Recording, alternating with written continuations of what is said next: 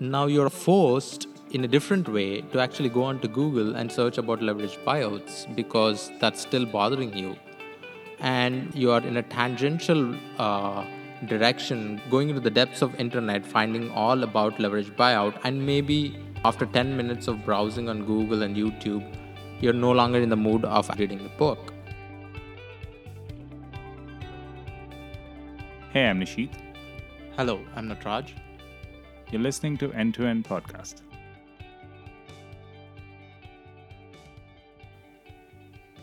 Did you know that the average read time per day for a US adult is 16 minutes?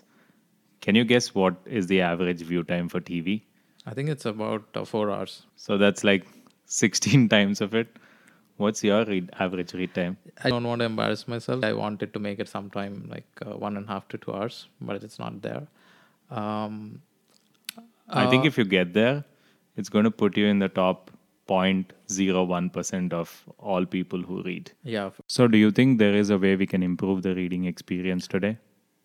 reading experience has changed uh, even though it's very incremental has changed drastically if you look just look at like five years or even 10 years so i definitely feel that there's a scope uh, for improvement in terms of existing products as well as creating new products which would elevate the experience of reading and it would be a completely new different ecosystem that we could imagine for a better reading experience Let's talk about what are the current problems in reading experience. when we think about reading, we always think about how reading experience has improved. In spite of all the improvements that we made, when you seriously try to read, where you're reading at least more than eight books per year, and you start to experience these problems that exist in reading ecosystem. To not be all over the place uh, let's segment the problems into three different categories. And those three different categories uh, fit very well with the journey of our readers. The first category would be uh, problems in the pre-reading experience. Second one would be uh, the problems in reading experience. And the third one would be problems in the post-reading experience uh, that way, we can actually clearly summarize some of the problems that we actually experience as someone who is trying to read more and aspires to develop the reading habit. One of the best ways I always like try and look for new books is I look at people who I inspire me. So an example is I would look at Bill Gates' list that he publishes every year on books he's been reading and try and pick up a few books that interest me and I use that as my personal curation list. I, I love what Bill Gates does with his uh, book club and the list he releases every six months. That's one of the problems also I see in the uh, reading experience because there's so many other people who are actually voracious readers, but I never get to know what they're reading. I like some of the authors that are writing great books, but I would never know what they've actually read. Fact, you might probably know what they've written, but I don't know what their reading process is like because it's not just authors also it's a lot of public personalities. Let's say uh, someone is head of azure and uh, uh, they're learning stuff about new technology and how do you know what books they are reading? If you know what these people are reading i think it would be a great motivational tool as well as a great path to whoever is trying to become something in their life because everyone is trying to become something in their life. Uh, I really like Ryan Holiday. He became an author at a young age, and I would love to know what Ryan Holiday read and what he's reading on a daily basis.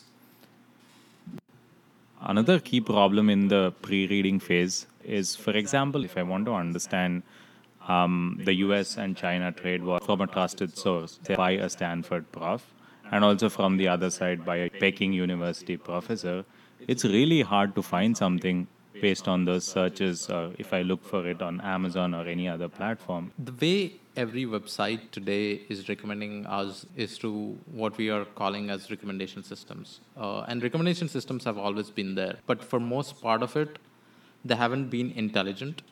In the recent past five years, we have seen the intelligence of these recommendation systems being uh, improved. At the same time, the underlying algorithms, I don't think fit all the scenarios that we are looking for. Like, for example, Netflix was a pioneer in terms of using uh, recommendation systems, and the specific algorithm that they used was uh, collaboration filtering, which is also what Spotify uses to suggest you the best song or the song that you would like. The problem uh, with recommendation systems is it's a one-way street. You, it's not taking your immediate input because in the example that you talked about, which is uh, U.S.-China trade war, it's a current thing. For the recommendation system to consider your input, it might not reflect the pace that you are evolving. And that's the limitation I'm seeing right now in recommendation systems. The limitation today is it's not taking your current uh, interests in a way that it can understand and immediately deliver. It's interesting. If you think about it, there's no way you can input stuff into it. For the use case that you've mentioned, if you want to find a book that's on US China trade war written by Ivy League school uh, professors or someone who has a good authority on these subjects, the only thing that you could do is basically go and search in Google. Uh, or you could probably use filters. But other than that, they're not taking your current desire as an input. And I see that as a problem.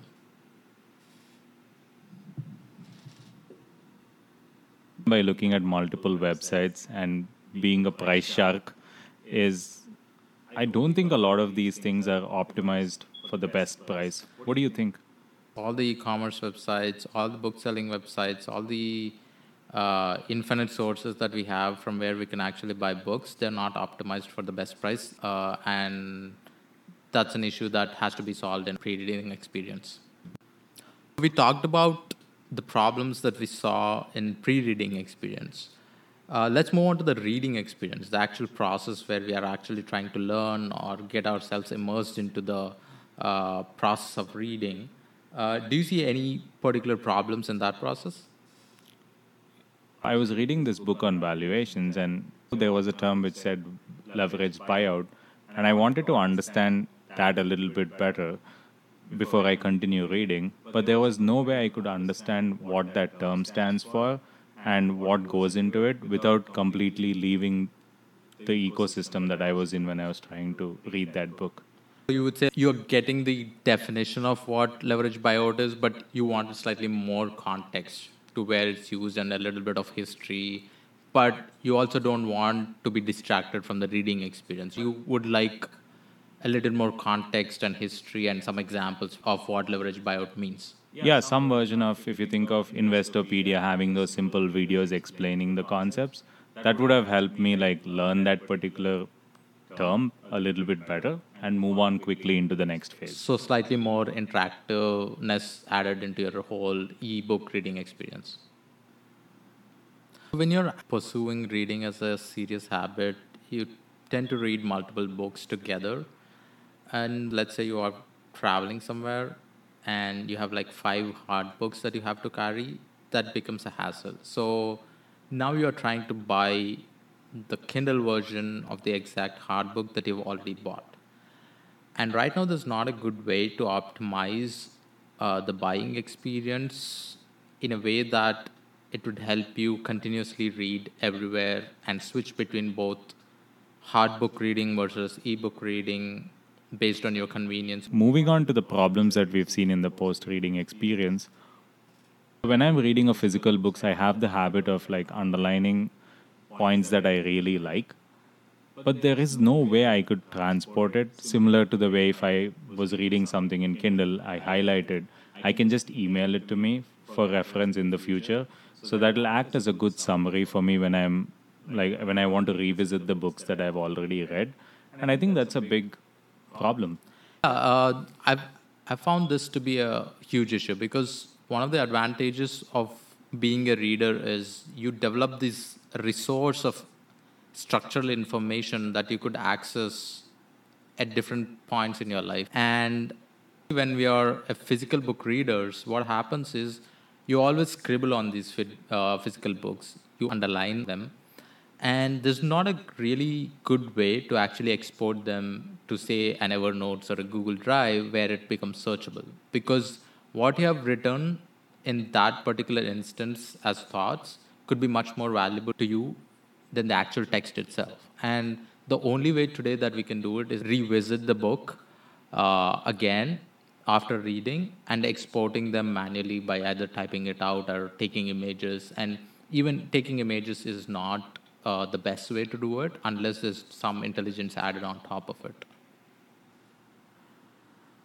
So, another problem that I've encountered in my post reading experience is occasionally you encounter a particular book that excites you enough that you can't contain your excitement. For example, uh, I was reading this book called The Rational Optimist by Matt Ridley, and that's such a game changing book, and I wanted to talk to someone about it. But there is no way you can actually interact with people who have read this book and are in your vicinity. They might be in your office, or they might be in your gym, or they might be someone in your own friend circle.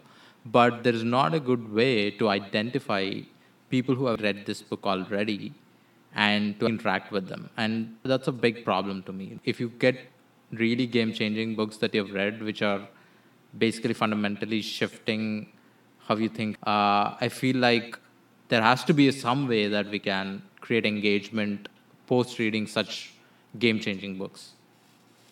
Also, I think in some of those books which make you rethink your fundamental philosophies, I think getting the opportunity to talk about it to someone expands the, your horizons. So I, I definitely think it's that's a huge problem. It's a good set of problems in different phases of reading.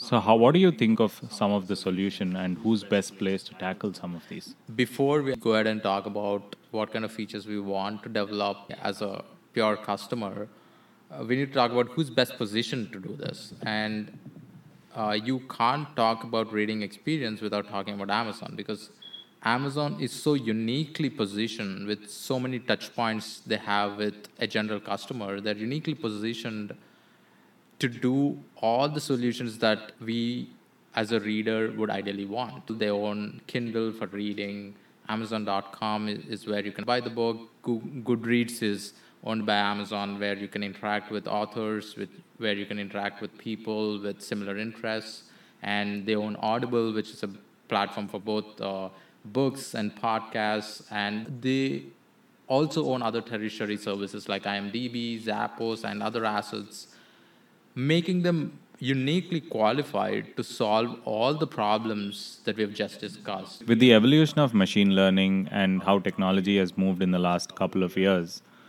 for a company like Amazon, I think some of these solutions that we're going to explore could be very low hanging fruit uh, Amazon today, and you'll notice this in the remaining podcast, that all the solutions that we'll talk about can be executed by Amazon in like six months.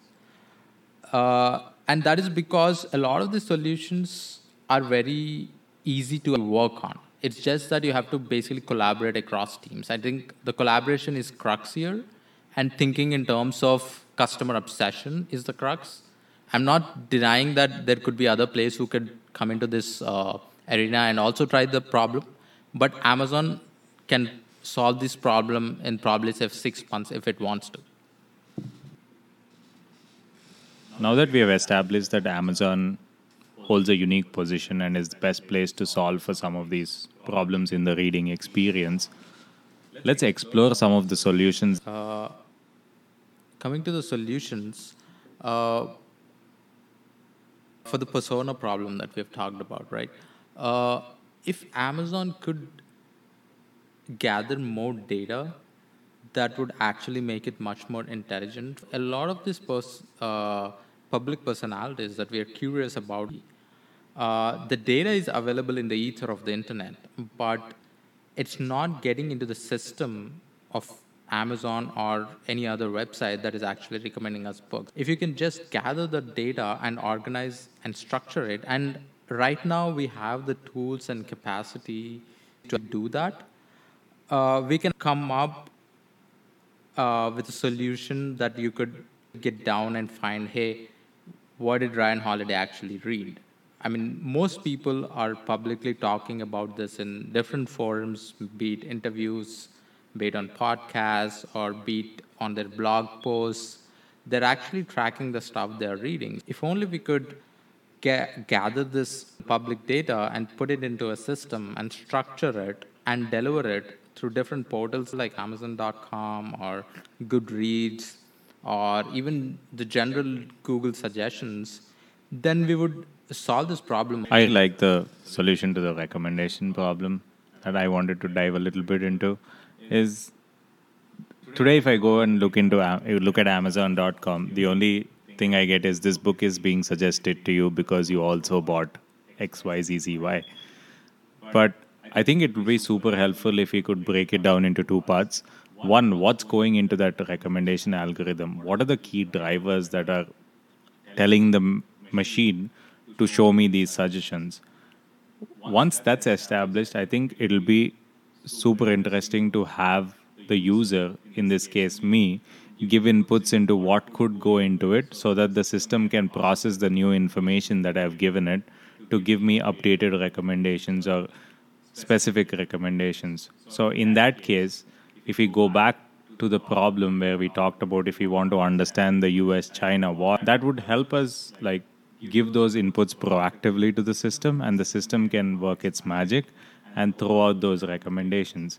In that case, it's mutually beneficial for the user and the system to understand more about me and help improve its recommendation algorithms. This is not a far fetched idea. For example, one of the reasons why there's a problem with recommendation systems is because they're not uh, localized to your new evolved interests.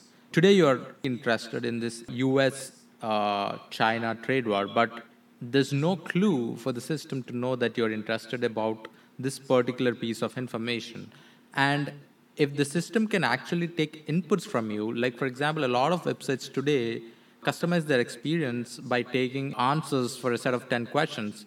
But that's a one time thing. If you can make it more interactive than a one time input from the user, you can end up in a situation where you're constantly taking an input from the user to drive the experience of what you're actually recommending. And one of the good examples that you can find is what Stitch Fix is doing in fashion because you as a physical person are constantly changing. So you might increase in weight, decrease in weight. Uh, when you're growing up, your height is changing. These inputs from the user have become a very important aspect of what clothes Stitch Fix has to recommend to a customer. And if you bring about that analogy into what books you have to be referred, it's just that the whole recommendation system has to evolve with the interests that are being evolved within yourself.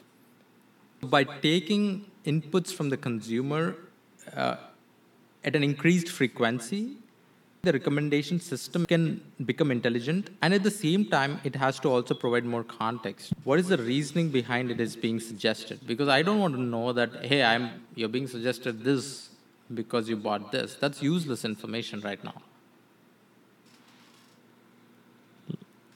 let's move on to the reading, reading phase solutions. I think one of the most interesting things that Kindle did was the fact that you, as an author, you no longer have to have a publishing house to back you. You can directly publish it on Kindle.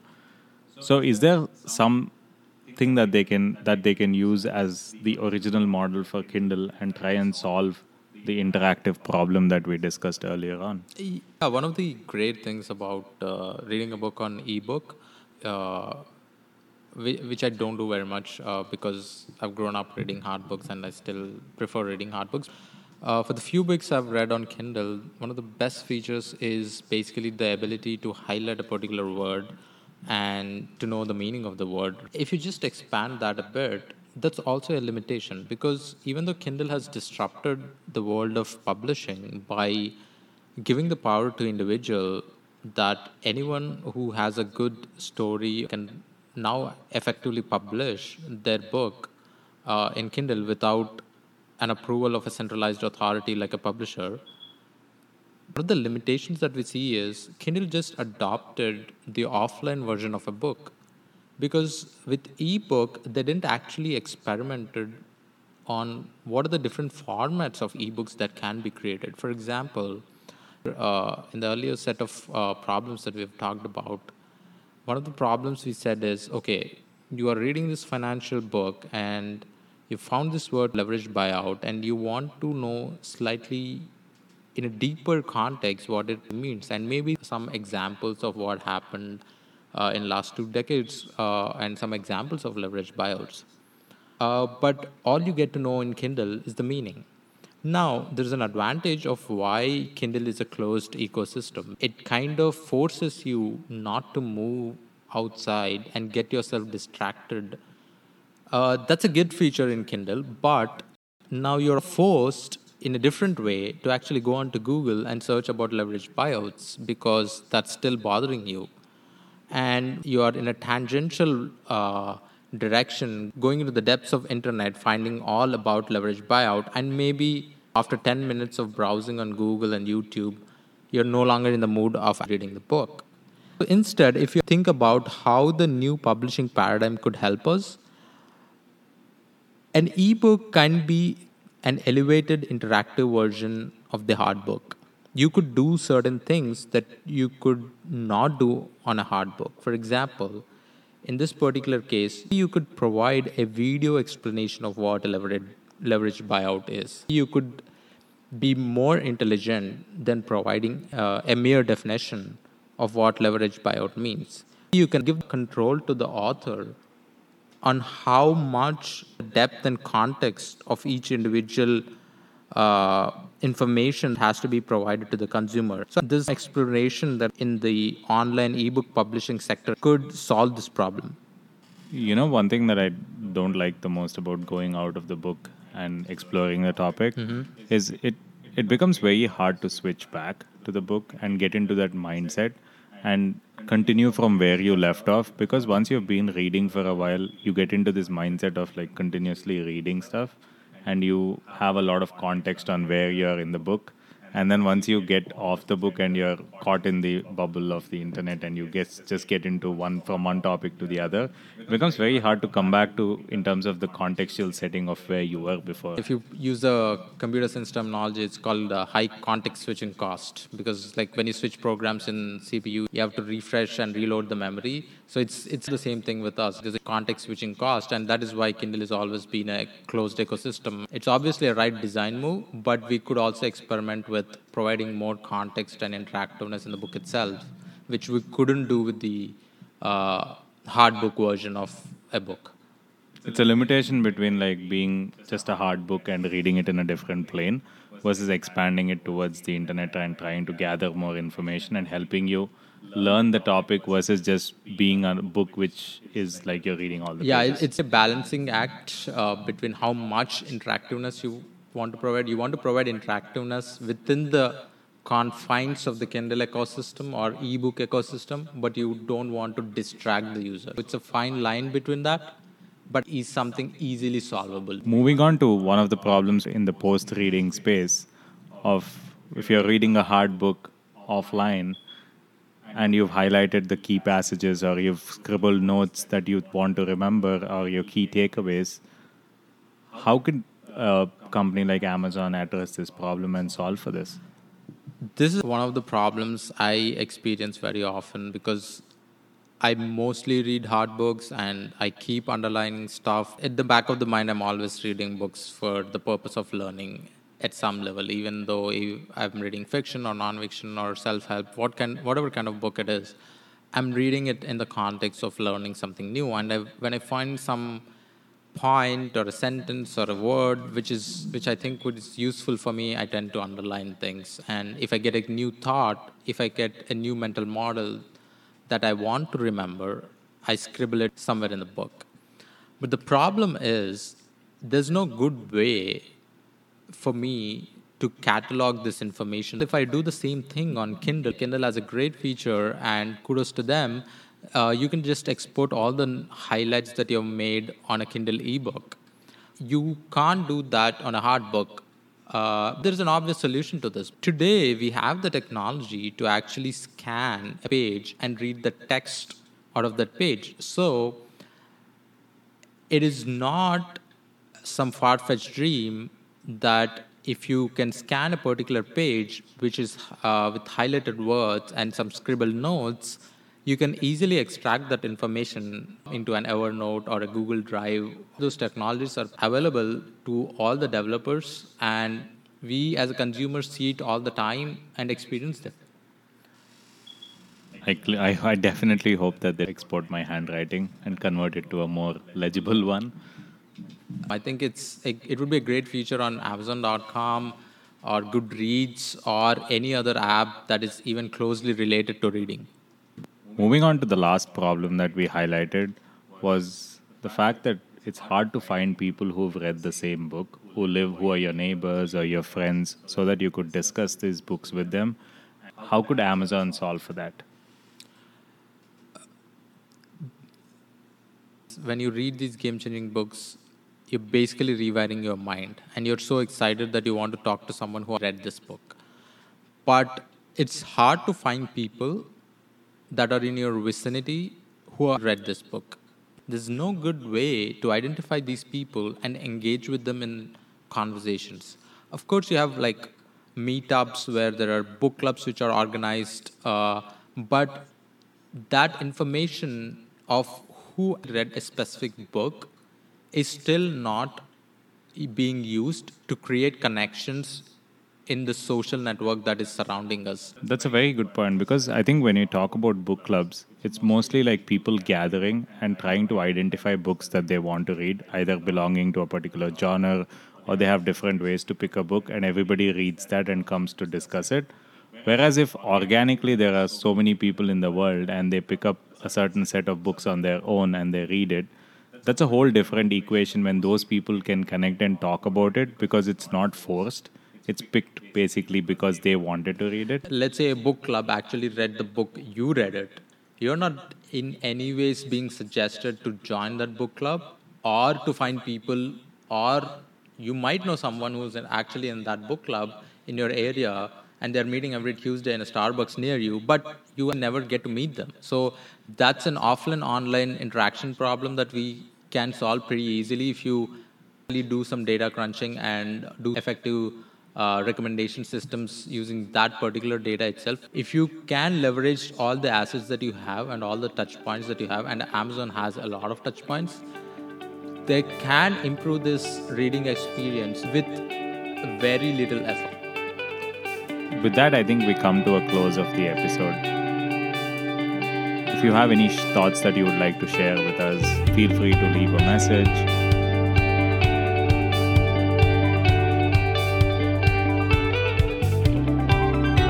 Thanks for tuning in today.